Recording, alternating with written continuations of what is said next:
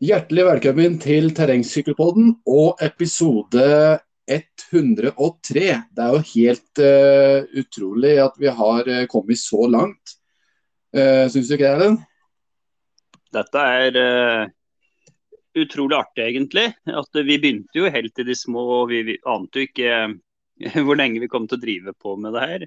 Og nå nærmer vi oss at vi snart går inn i vår tredje sesong og vårt tredje år med å drive den podkasten her.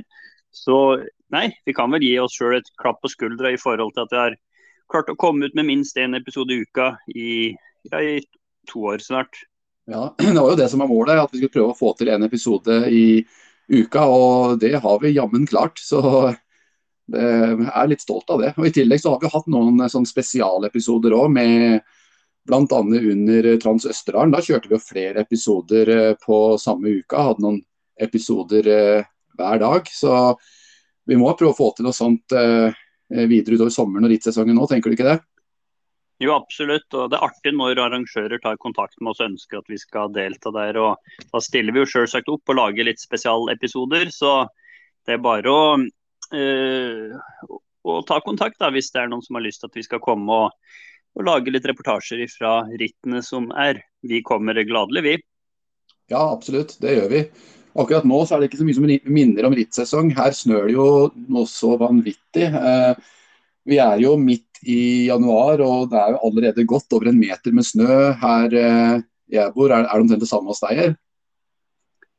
Det her har det kommet så mye snø, og jeg har vært ute i går kveld og måka og ute i dag tidlig og måka. Men jeg må arrestere deg på én ting, da. For du ja. sa at det er jo ikke så mye som minner om eh, eh rittsesong. Men nå på onsdag så er det faktisk eh, en ny sesong på gang med konkurranser. Og hva tenker jeg på da? Da tenker du på ny sesong med Norgescup i Swift, ikke sant? Stemmer.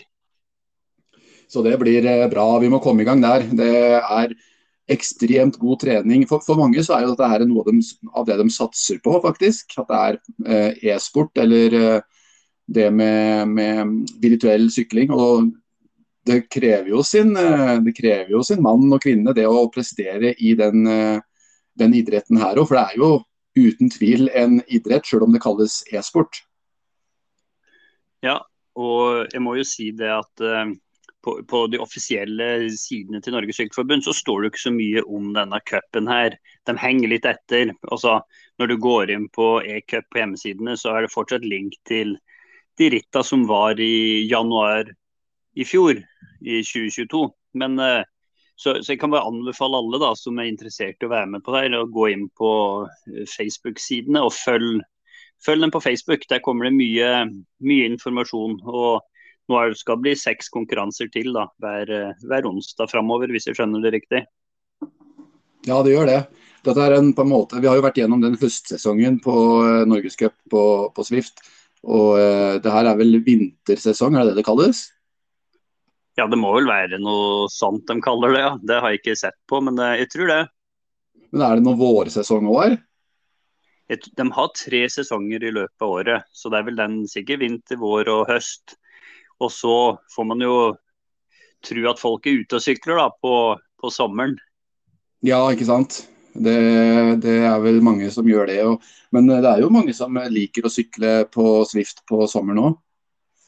Ja da, og, og, det blir jo som uh, enkelte skiløpere, jeg vet Martin Johnsen Sundby og sånn, har jo sagt det her at, at uh, når du skal ha sånne kontrollerte hardøkter for å se faktisk uh, ja, for å gjøre målinger og se hvordan ståa er da, i, i, et miljø der du ikke er påvirka av føre eller vind og den slags, så, så innendørs så får du gjort helt nøyaktige målinger, om det da er på watt eller om det er på laktat, eller om det er på puls, eller, hva, eller på fart. Innendørs mm. så får du gjort helt korrekte målinger av hvordan ståa er til enhver tid. Sånn at også det å sykle på rull om sommeren for å gjøre sånne økter, det, det tror jeg bare kan være formålstjenlig. Og så er du ikke i tvil om at å sitte på rulla i løpet av høsten og vinteren, det, det gir mange fordeler. Hvis man kombinerer med litt alternativ trening. Mm, absolutt. Denne helga her har jo jeg virkelig kombinert med alternativ trening. Sånn som i går så kjørte jeg kombiøkt. Da kjørte jeg først eh, en, en skitur på en og en halv time. Og så når jeg kom tilbake, så satte jeg to timer på rulla. Og i dag så har jeg vært ute, Nå har det snødd så fælt, så alle løyper er jo borte. Så jeg har vært ute og løpt en tur på nærmere en time, og så har jeg kjørt eh, en time på rulla. Da. Så det å kombinere, kombinere idrettsgrener på den måten der, gjør at eh, øktene føles mye kortere. da. Man føler ikke at man har vært ute i Sånn som i går, da, så var jeg over tre-tre og en halv time. og det føltes jo slettes ikke ut som, som, det. Så det er en måte å få mye mengde på uten at det kjennes ut som at man har trent lenge. ja, og hvis jeg skal gi et tips til deg da, for å kombinere både løypelegging og trening, så burde du egentlig ta det løpetur i skogen med sporleggeren bak deg, egentlig. At du drar den. Ja, i gamle dager så gikk de jo eh, opp skiløypene sjøl, så da gikk de vel først i midt, altså de vanlige skisporene der skisporene skulle gå, og så gikk de en på høyresida da de hadde venstrefoten i, i det høyre skisporet og lagde stavtak. Og så motsatt på, på siste tredje runden, og da hadde de på en måte lagd en, eh, en skiløype. Så det er jo en fin eh, absolutt fin måte å trene mengde på det òg. Hvis man ikke liksom, tenker at man skal trene veldig spesifikt på, på langrenn, men at man ønsker å få best mulig eh, kondisjonsgrunnlag, så er jo det, det er like bra som alt annet. Absolutt. Hva, hva, tenker du om din egen progresjon? da? Vi følger jo fortsatt treningsopplegget da, til målretta trening på Lillehammer. og Der er det jo er det, Har du to-tre hardøkter i uka du òg, sånn som jeg har i det opplegget, eller? Ja, jeg har det. Så I tillegg så har jeg jo en del styrke. da, så det blir jo masse sånn her eh, broningskrem og eh, sånn krem som gjør at man får, en måte, litt, får mer markerte muskler og sånn når man står foran speilet. Sånn at jeg bruker jo en del penger på det, men jeg vet ikke, det gjør kanskje ikke du? Jo jo, nei da, jeg gjør nok ikke det. Men uh, nei, vi har jo alle forskjellige fokusområder, og du har jo fått litt mer på det her med styrke. Jeg mm. har nesten bare sykling. Eh, også litt ski, da, men nå har det jo ikke vært noe skifører her i Elverum ennå. Så da, da, har jeg konvertert det til sykling, det òg. Så jeg har vel sykla mer enn ja, nesten noen gang før, vil jeg tro. Og når du sitter på rulla, vet du, så er jo ikke det som å sykle ute. Sykler du to timer på rulla, så, så tråkker du hele tida. Det kommer liksom ikke noen nedoverbakker hvor du bare lar sykkelen trille. Har du tenkt noe over det? Ja, jeg har det. Så man får på en måte eh, Det blir på en måte litt mer effektivt, da. Eh, i, når man sykler ute, så får man jo noen sånne her eh, perioder der man sitter og triller, kanskje. Mens det får man jo aldri på rulla. Sånn er det jo litt på langrenn nå, at man, når man går på ski, så, så får man sånne lange hvilepauser. Og hvis man tenker sånn eh, opp imot eh, eh skal jeg si for noe, den rundbanesyklinga og den, den eh, norgescup-langrennstypen der man går i ganske kuperte løyper, så er det masse likheter der. og Det er vel kanskje det som gjør at sånne som eh, en, en, del av uh, de terrengsyklene våre kombinerer langrenn på vinteren og, og ski på sommeren. Nei, og, og, sykling på sommeren. og presterer veldig veldig bra i, i begge deler. Ja, Eh, jeg tenkte på det, vi har jo med en ny eh, gjest den gang, denne uka her òg. Nå har vi hatt tre, tre episoder med Tor Gottaas. Litt fordi du skulle på utenlandsreise, treningsopphold som jeg kaller det. da. Ja. Eh, og nå har vi nå en um, terrengsyklist som gjest. Han uh, har gjort det veldig bra både innenfor sykkelcross i høst. ikke minst har han gjort det veldig sterkt i den høstcupen på på Swift som var her. Og han mm. gjorde det ekstremt bra. Jeg husker jeg var jo oppe på Lillehammer på Norgesmesterskapet der i, i rundbane. Eh, hvor han gjorde det veldig bra i juniorklassa. Kom inn som nummer to, hvis jeg husker helt riktig. Bare slått av eh, kompisen sin eh, Sivert Eckroll. De er begge fra Sande. og Hvis jeg har skjønt det riktig, så går vel begge på videregående skole der og knives sikkert i det daglige. Og det har løfta dem begge, da, når de begge klarer å få første- og andreplass i norgesmesterskap i terrengsykling. Så det blir, det blir, spennende å høre litt hva ukens gjest, som da er Jonas Kind Høydal, hva han har å fortelle om både trening og, og sine tanker i forhold til den sesongen som kommer nå snart. Skal vi rett og slett ta en prat med Jonas? Ja, det gjør vi.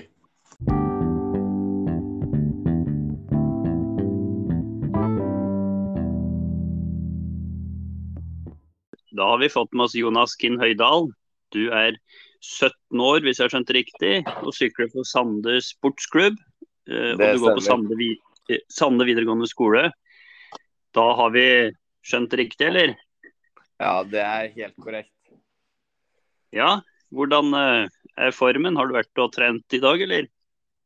Ja, det har vært en uh, liten uh, langtur på, på Verskauen, som vi kaller det i Sande. En, en lang skitur. Ja. Tar du da og går klassisk, eller skøyter du? Nei, det er eh, litt av hvert. Men eh, i dag så gikk jeg klassisk. Det, det, sparer kroppen litt mer, på en måte, kan man si. Ja. Eh, på, på hvilken måte da, egentlig? Nei, det er jo litt uh, muskulært.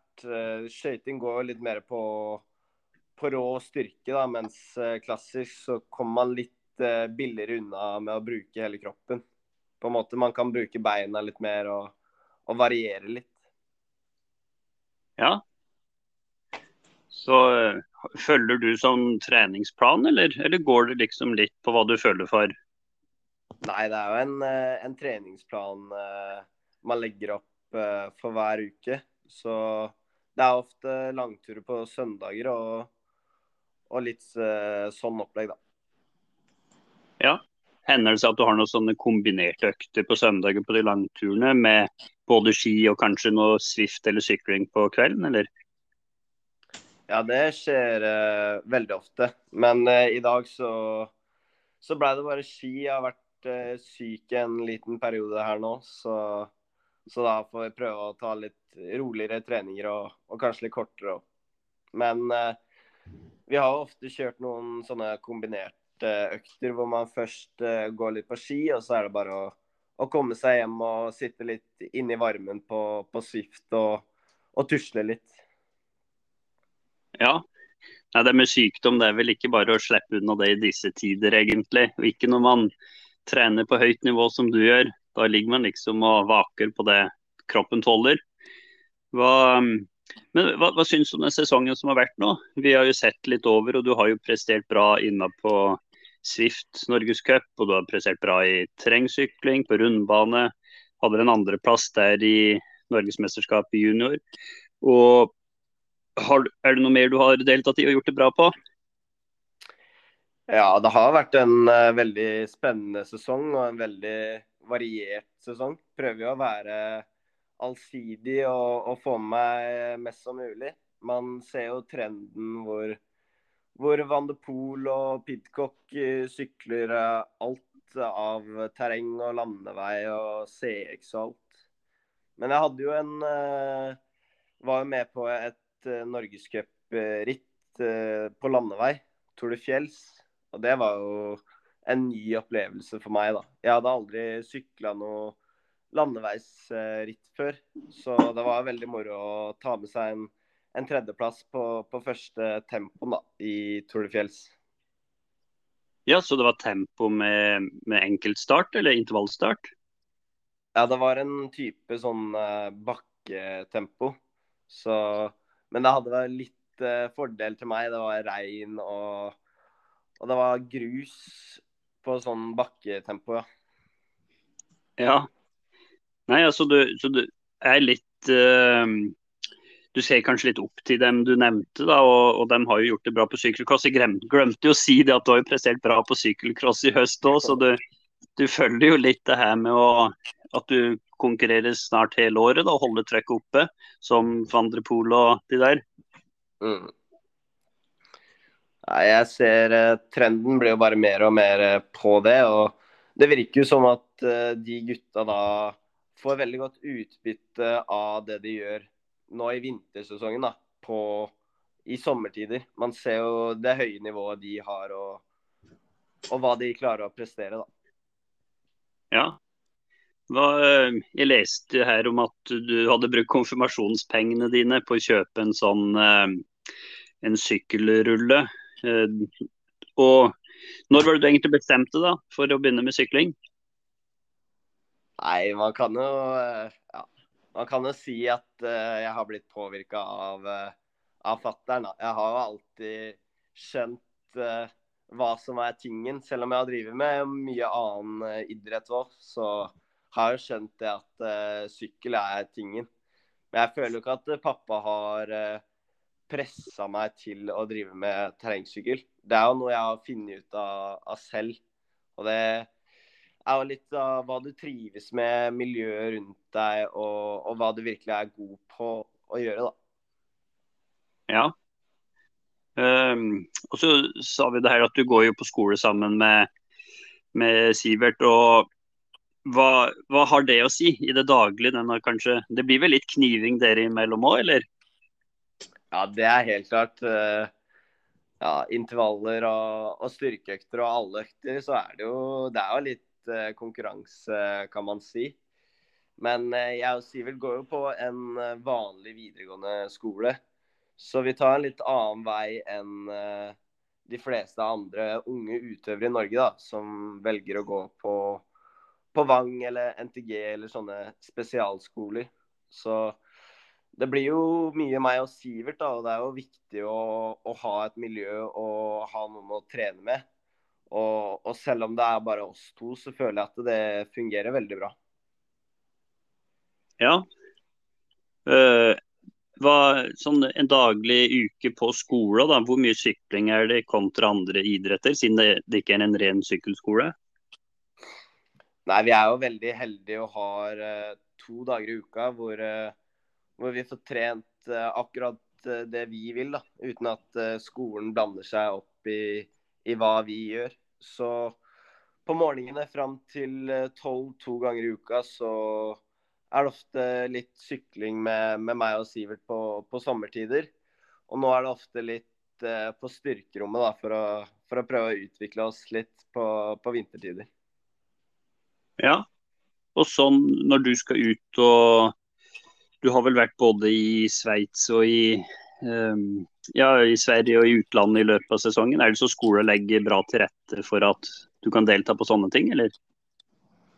Eh, ja, det vil jeg si. Det er jo Det går på idrettsfravær. Og opplegget med, med skolen sånn sett er jo at eh, vi må ta eget ansvar for å, for å, følge med. Da. Så når vi er på samlinger eller konkurranser, så må vi, så må vi da gjøre litt skole og, og, gjøre oppgaver selv og levere inn litt, istedenfor å, å få masse fravær, da, som eh, ja. Ja.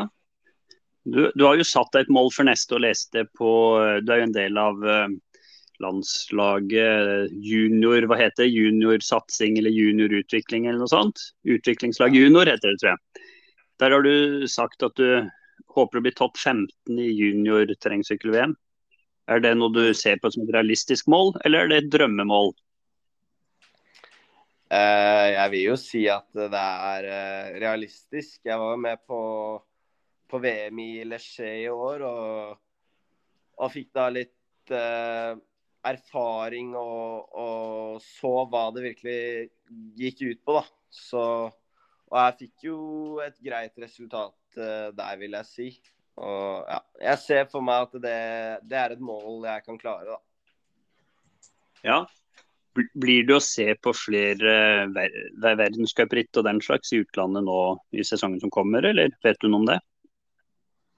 Eh, ja, det blir det. Det blir jo mange HC ritt. Og vi starter allerede i vinterferien med å kjøre to, to HC-ritt. Ett i Skjelva og ett i Banjolles. Så det blir jo veldig spennende. Ja, det er vel litt motiverende å ha sånne ting å se fram til òg, vil jeg tro.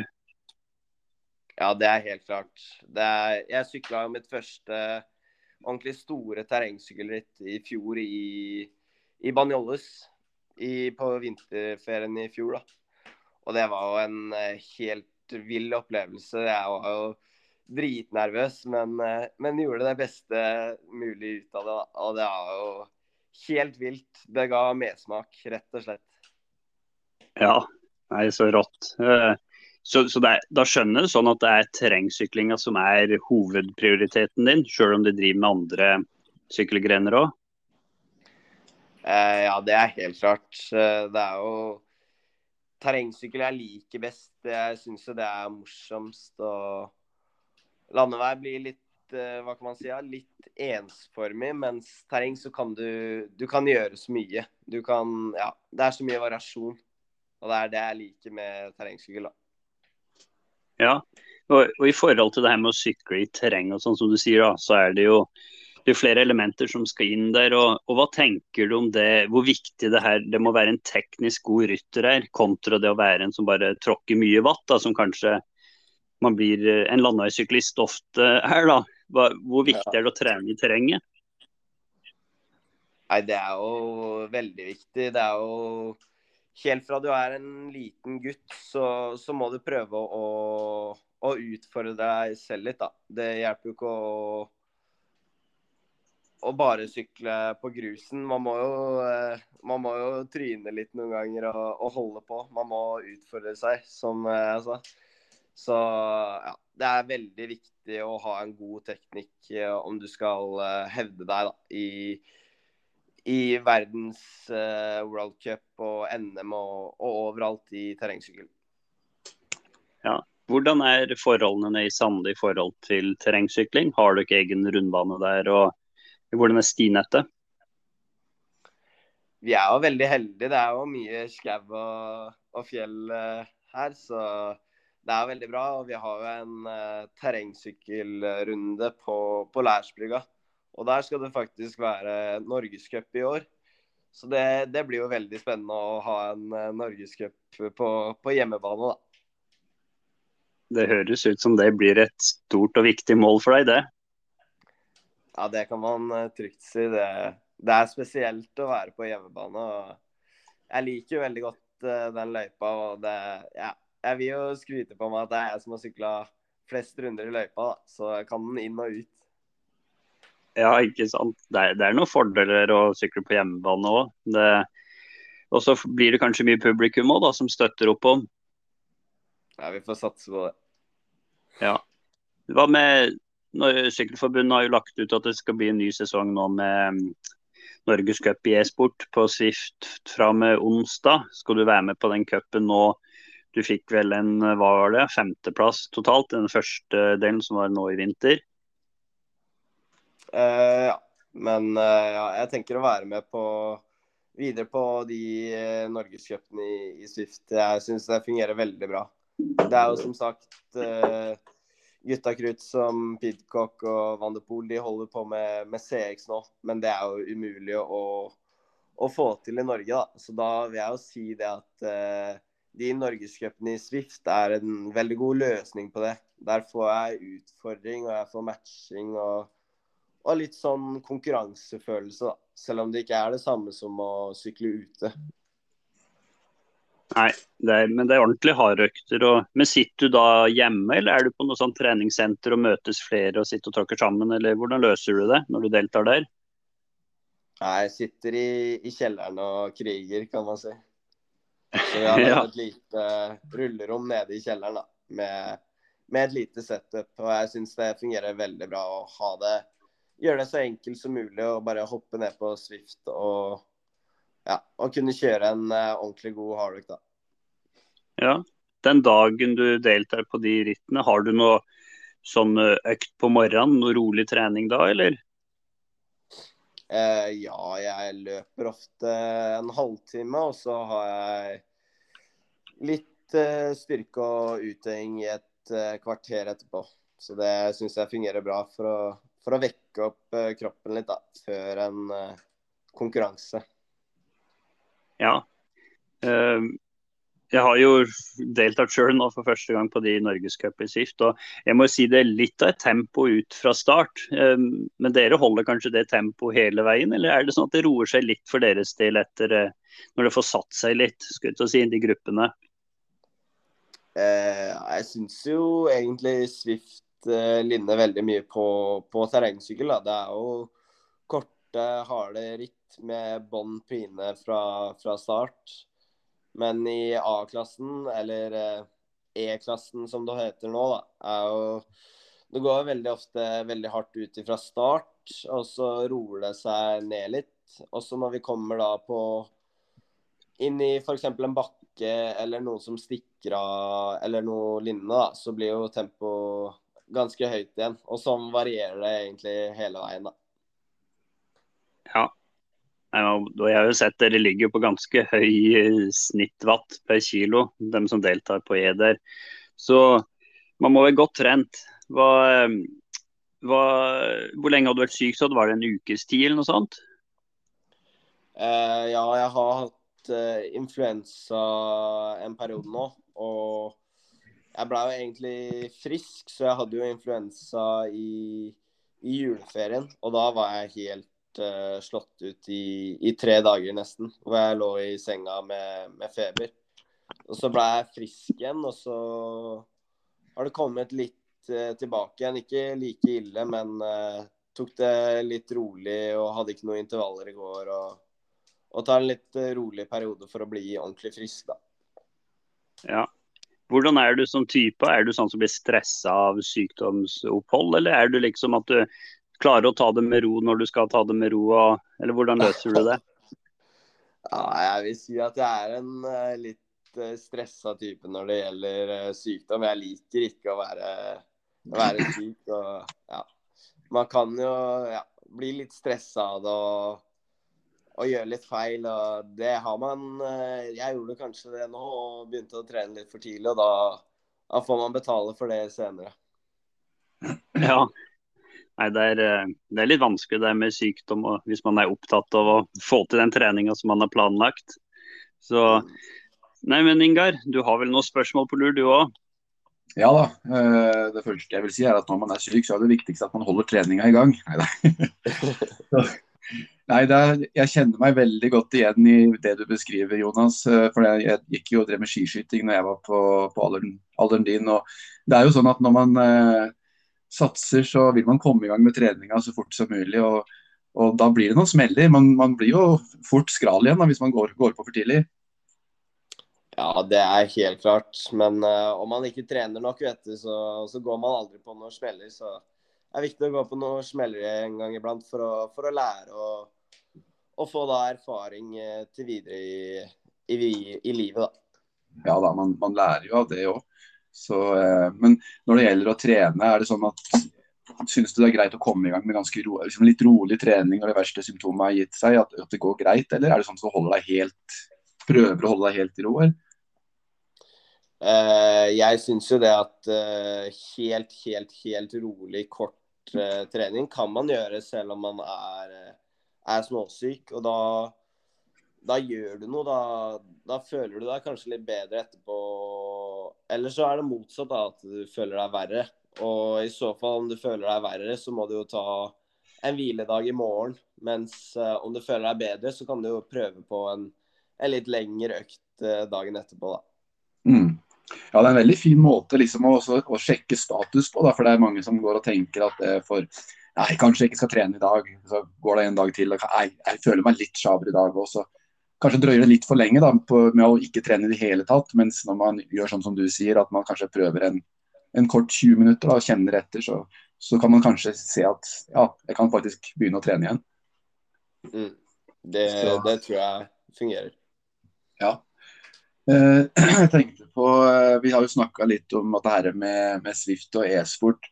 Eh, både jeg og Erlend var jo med i, i høstsesongen nå. og fant jo etter hvert ut at, at uh, det er jo ikke bare det å tråkke vatt. Man må jo ha litt sånn uh, teknisk innsikt på valg av sykkel og, og, litt i forhold til taktikk og sånn. Og er det noen spesielle råd du vil gi dem som er helt nybegynnere på Swift?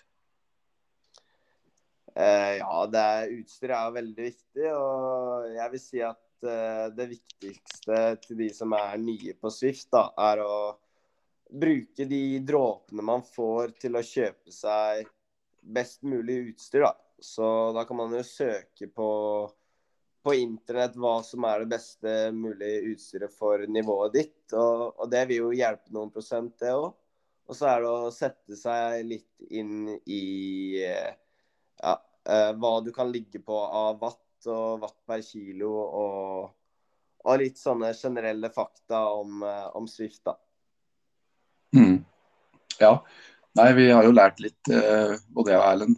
Erlend starter jo opp med en stisykkel på første ritt han skulle sykle. Så det gikk jo ikke så veldig lett, det får en si. Men, men, men, nok om det, får en si.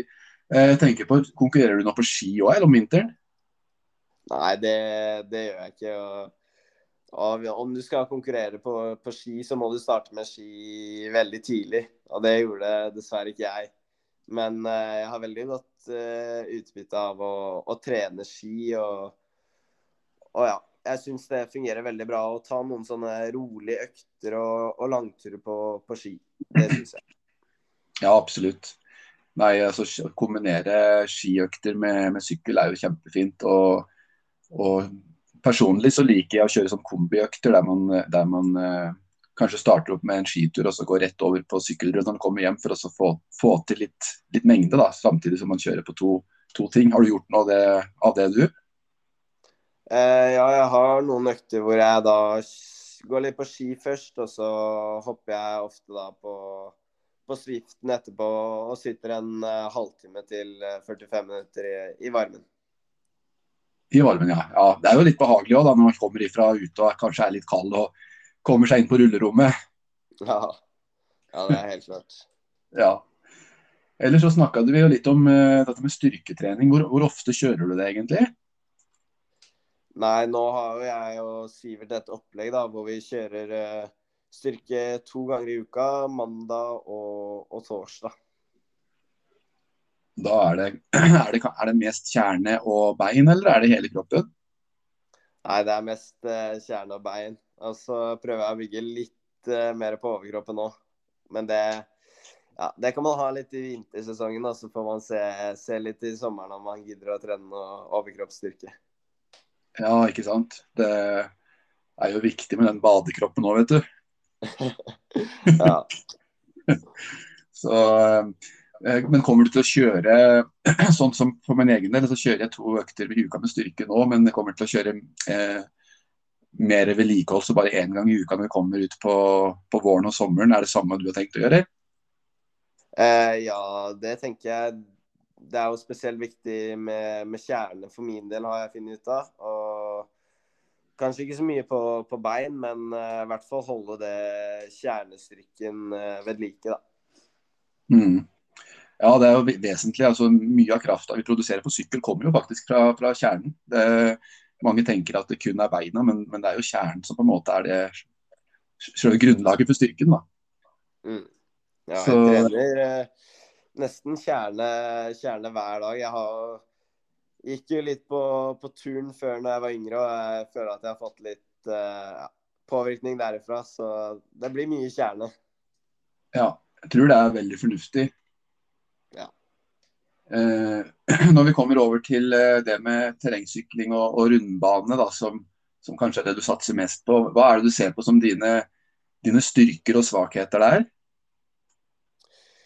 Eh, mine styrker Jeg vil si at jeg er utholdende. Jeg holder eh, hele, hele rittet og har en god, god, teknikk og en grei eh, fatning av, av rittet. da. Mens eh, svakheter da kanskje litt mer over på, på spurt. På, på, kortbane er vel eh, en litt svakhet, kan man si. Ja, ikke sant. Det, det høres jo eh, litt sånn vanlig ut, det. Så du har jo ganske, har jo ganske klare målsetninger til sesongen som, som kommer nå. Eh, men har du, har du laget deg noen sånne målsetninger for uh, flere år framover? Satt du noen langsiktige målsetninger? Eh, ja, det er å være allsidig.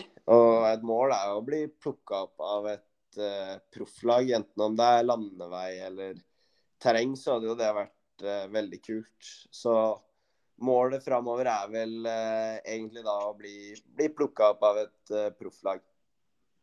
Ja, ikke sant. Det er jo eh, Det er vel kanskje lettere å bli plukka ut på, eh, på, et landeveislag enn på et, uh, terrenglag. Men er det sånn at hvis du blir plukka opp på et landeveislag, at du vil da vil uh, legge mer fokus på landevei da, eller er det fortsatt terreng som, de, som står hjertet nærmest? Nei, Drømmen hadde jo vært å bli plukka ut på et uh, profflag som både driver med landevei og terreng og CX og alt som er. Men uh, da skal man være griseheldig. Men uh, om jeg da blir plukka, ut på, på landeveislag, så hadde vel uh, blitt litt mer fokus på, på landevei, dessverre. Ja, dessverre, får en si.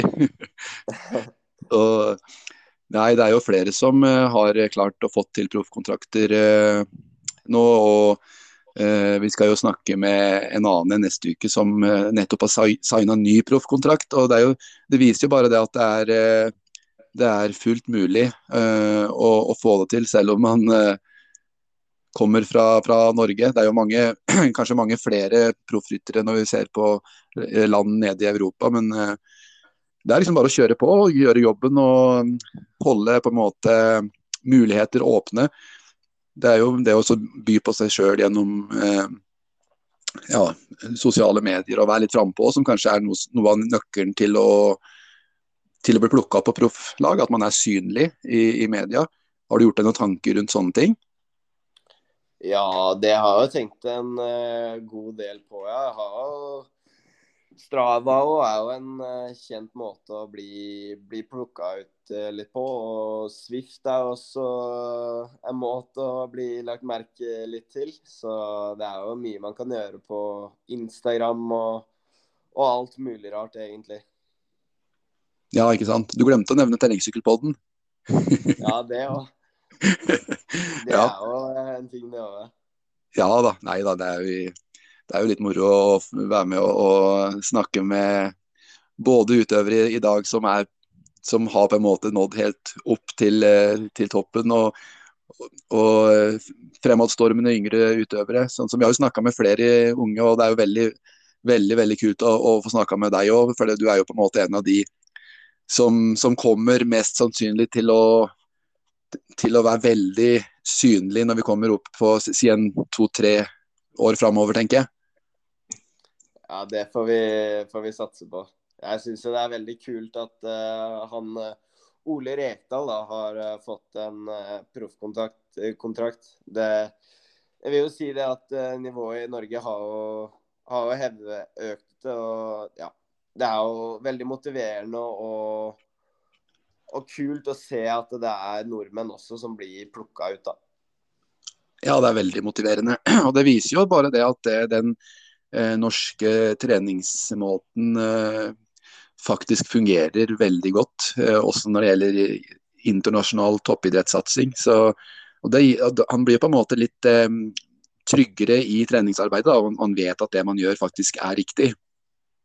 Ja, det er jo helt klart. Jeg har uh, veldig troa på allsidighet. Og i Norge så blir man uh, nesten litt tvunget til å være litt allsidig når, uh, når vinteren kommer. Mens de som bor i Spania og andre steder hvor det kun er sol og varme, de, de har jo ikke like muligheter som oss til å være allsidig og, og, til å gjøre det vi gjør. da.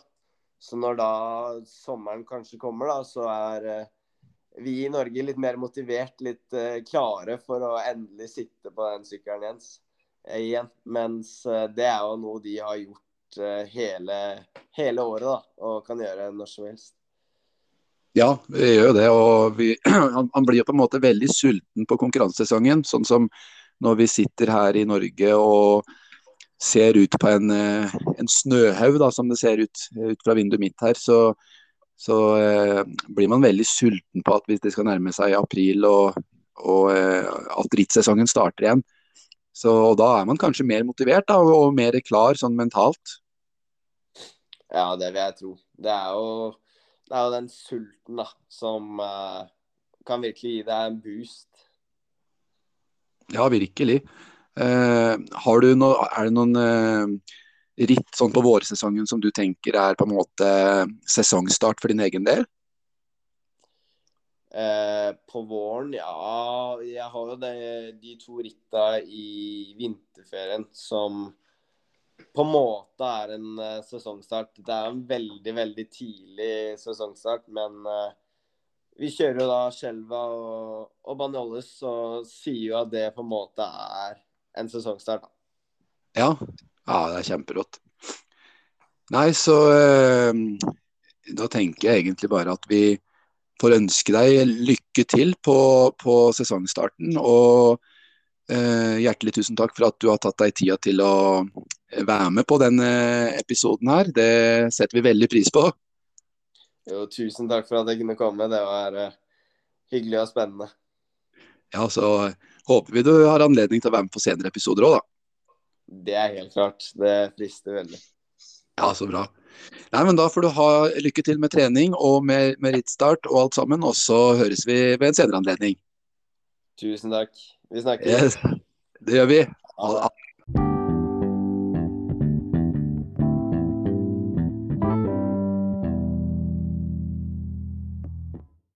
Jeg må si Det var utrolig moro å få snakka med en eh, Jonas. Han er jo uten tvil en av, eh, en av fremtidas eh, store norske terrengsykkelstjerner. Det er jeg helt overbevist om. og Igjen så må jeg på en måte si, som vi har sagt på tidligere episoder, vi har snakka med unge utøvere, hvor, hvor reflekterte og, og gjennomtenkte ungdommen i dag er. Er du ikke enig i det, Erlend?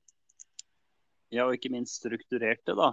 Der jeg blir så imponert over at man i så ung alder kan være så målbevisst og så dedikert i de målene man setter seg. Og det, det er ikke bare det at det er en stor bredde i Norge innenfor terrengsykling, men det begynner å bli en stor bredde innenfor toppnivået i Norge òg. Sånn at jeg ser meget uh, positivt på, og lyst på fremtida når det kommer til uh, norsk oppsykling innenfor terreng. Det er um, Han hadde mål som å bli nummer 15 til sommeren da, i VM, junior-VM i rundbane. Mm. Og han ble nummer 44 i sesongen som var. Og jeg tror absolutt uh, han kan komme opp dit. Han ble jo nummer to i junior-NM i fjor. Og da, mm. da, vi vet hvor gode juniorsyklister er i Norge, så tror jeg vi fint ser at han kan komme opp mot uh, i nærheten av det målet han har satt seg. Nei, veldig gøy og veldig artig at, uh, at, han hadde tid til å ta en prat med oss. Ja, det var det virkelig. Det, var, uh, det, var, det er vi veldig takknemlige for. Og et navn det blir spennende å følge med på i åra som kommer. Det er liksom det her med junior junior i, i, Norge det er kanskje ikke like synlig som når man, når man kommer på seniornivå. Man, på senior så ser vi liksom, da er de store navnene og sånt, men, men, det er jo ekstremt spennende å uh, fordype seg litt i det som, det som kommer i, i framtida og dagens juniorer. Og vi har, som du sa, da, en uh, veldig stor bredde i, i toppsatsinga i Norge. og det, det, begynner jo nesten eh, Det er jo kanskje fortsatt ganske mange steg å gå før det nærmer seg eh, langrenn da, i Norge. Langrenn er jo en, en nasjonal, nasjonal, idrett, nesten.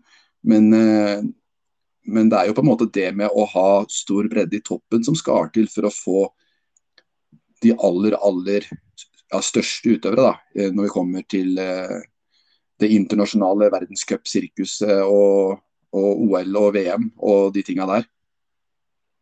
Ja, og så er det det at de største talentene faktisk Eh, får lov og muligheten da, til å satse innenfor eh, ja, både egen klubb, da, men kanskje også det her som Jonas er inne på, å bli plukka opp av et, et team. Eh, og at man som legger til rette for at man kan eh, fortsatt satse innen terrengsykling. At det ikke nødvendigvis er slik at man må over på landeveissykling for å kunne ha et eh, levebrød innenfor syklinga. Og det vi ser vi jo nå, da, som med Ole Sigurd Rekdal, at uh, blir man plukket opp i ung alder, så så, så, velger de å fortsette med terrengsykling. Så jeg håper også, sånn som Jonas og, og de andre på juniorlandslaget, da, som Martin Farstadvold og Sivert Ekroll, eh, at, at, de kan eh, få den muligheten mm. om ikke altfor mange år. Ja. ja. Hva tenker du forresten om det med dette her med matching? Og han, eh, han Jonas han har jo Sivert Ekroll å matche seg med. og Hva tenker du at det har å bety for uh, ja, begge to sin framgang? Nei, altså jeg, jeg, tror det er ekstremt viktig, da, det her med å delta i et miljø hvor man uh, gjennom å konkurrere mot hverandre, da, at man stadig tar nye steg. Og sånn, uh, sånn har det jo vært innafor uh, langrenn i Norge i, i hundrevis av år, skulle jeg si. vi er jo fra Trysil, og der vet jo det her med at hver enkelt grend i Trysil har hatt sine perioder med sine gode løpere. Og sånn er det jo antageligvis innafor sykling òg, da. Kommer man fra et sted der det er andre som driver på høyt nivå, så drar det med seg flere, og så gjør man hverandre bedre. Så mm. Sande er akkurat nå, da, hvis det er stedet å være fra, omtrent. Hvis du skal gjøre det bra innenfor terrengsykling. I tillegg ja. til andre steder da, med lignende miljøer. da. Ja, spesielt hvis man er uh, ung. og på, Siden vi med, er på, på, alder med, med, Jonas og Sivert, da, så, så, er jo Sande på en måte et smørøye sånn sett da, i forhold til å uh, kunne utvikle seg. Og Vi hører jo flere av de som uh, kommer inn på landslaget, at de faktisk da, da, tenker jeg spesielt langrenn, kanskje. da, Men at man, når man kommer inn på et lag med med folk som er på et høyere nivå enn seg sjøl. At man da plutselig tar noen eh, ekstra steg sjøl òg. Eh, rett og slett fordi man har bedre matching, mer å strekke seg etter. Eh, så, så, det òg, at, man er på en måte blir flere At man får en større bredde i norsk toppidrett, vil jo øke nivået innad i den gruppa der òg, vil jeg tro. Ja da, absolutt. Og så er det jo spennende hvis man eh, ser over på det elitelandslaget òg nå, da, hvor, eh, hvor, flere av deltakerne der, da, både du har jo Erik Hegstad da, som sykler for Team KMC Urbea, eh, Emil Haseneid da, som i mange år har deltatt for Hunton Hardrocks. Og, og han, hva heter han? Ja, Ole Sigurd Rekdal, ja. Som mm. nå har fått kontrakt med med utenlandsk uh, storteam. At uh, det, det, blir spennende å se hva det her innebærer når, når så mange av dem er uh, ikke bare eliteutøvere, men også profesjonelle utøvere. Ja, absolutt. Ellers så har det jo skjedd litt den helga her òg, innafor ja, rekruttering spesielt, syns jeg for min del. da det har jo vært eh, eh, jentesamling i Hoksmark den eh, helga her. Og det er jo en samling som, eh, som ikke bare driver med altså Det er ikke bare retta mot terrengsykling, det er retta mot eh, alle sykkelgrener. Men for eh, rett og slett en samling retta mot eh, jenter i, i sykkelmiljøet i, i Norge.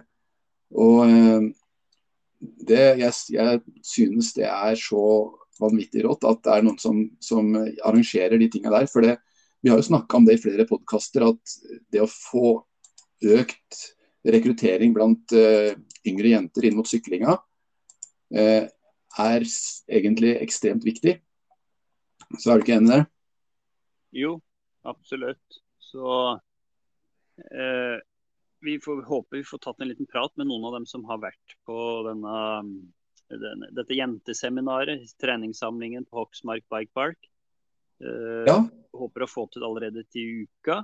Uh, ellers så må jeg jo si at uh, Sykkelforbundet har jo kommet ut med informasjon om at nå er det igjen muligheter for å kjøpe seg uh, lisens, sykkellisens for kommende sesong. Hva slags uh, lisens er det du tenker at uh, passer best for ditt nivå og de rittene du skal delta på? Har du sett noe på det? Ja, det blir vel det samme som i fjor, tenker jeg. At det er den masterlisensen, er det ikke det den heter? Ja, den har hett masterlisens, tror jeg, ja, de tidligere åra. Men i år så heter det nå noe som heter aktiv lisens, tror jeg den heter nå. Ja, stemmer. Turlisens eller aktiv lisens. Og aktiv lisens er for senior, U23 og master. Og det gjelder på alle ritt i inn-utland. 920 kroner for alle, bortsett fra sånne som far din, da, som er over 70 år. Da koster den 300. Ja, Så billigere for han, altså? Ja. Men uh, det spørs om det holder med tur- og trimlisens for hans del, da. Men den uh, det er noe så. Det er i hvert fall en fin måte å støtte opp om det sykkelforbundet, da. Og den jobben som gjøres i forhold til å ha en levende uh, hva heter det? Uh, sykkelsatsing i Norge. Hva er det som skal til for å kunne få lov til å løse lisenser? Nei, du må jo ha penger i hvert fall, da. ja. Det er jo også sånn at man må være medlem av en klubb som eller et idrettslag som, som er tilknyttet Norges Sykkelforbund. da. Og så må du ha betalt alle treningsavgifter og medlemskapskostnader i det, ege, din egen sykkelklubb da, for å kunne få godkjent lisensen, slik at du kan delta i ritt. Ja, det er riktig. Ellers er det noe annet som står på agendaen eh, på den, eh, for denne episoden her? Nei, jeg må jo bare si det her igjen. da. Jeg håper at flest mulig har mulighet til å delta på Swift førstkommende onsdag.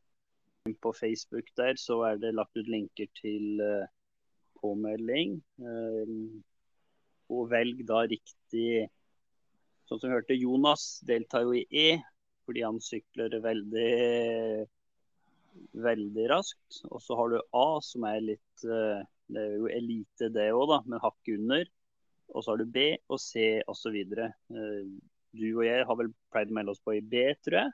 Det er over 3,2 eh, watt per kilo for å kunne melde deg på i B, tror jeg.